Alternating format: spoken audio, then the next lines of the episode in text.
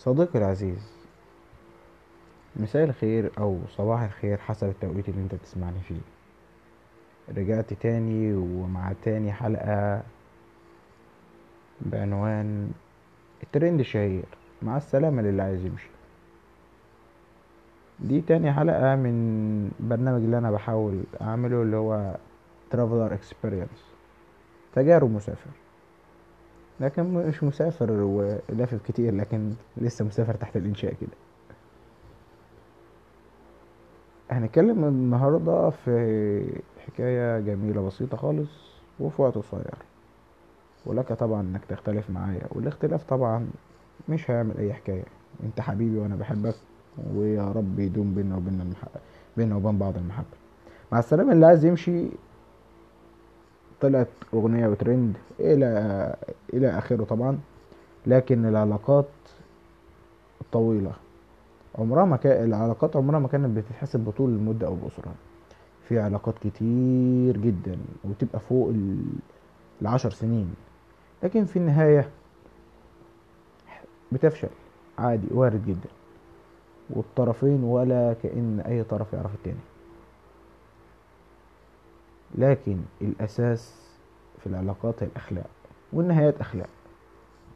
في علاقات تانية بتبقى في نقط قصير لكن بيبقى فيها الاحترام والتقدير متبادل لأعلى درجة. وممكن بتدوم. ودي من يعني من العلاقات الكويسة جدا جدا جدا. لكن في علاقة واحدة عزيزي أنا متأكد إن عمرها ما بتفشل. وهي علاقتك بربنا سبحانه وتعالى. دايما أنت فيها كسبان. وكل ما بتزيد في العلاقة ديت بتطلع بمكاسب دنيوية ومكاسب في الآخرة. ولك كل الفرح والسعادة يا صديقي. العلاقة دي دايما عايزة تعلق وفكر. إنك هتعلق هتعل... هتتعلق بربنا سبحانه وتعالى. ودايما شايفه قدامك في أفعالك في أقوالك كل حاجة. طبعا كلنا مش معصومين من الخطأ وبنخطئ وده شيء وارد. لكن نرجع ون- ونتوب إلى الله وربنا يجعلنا وجعلكم جميعا من التائبين يا رب.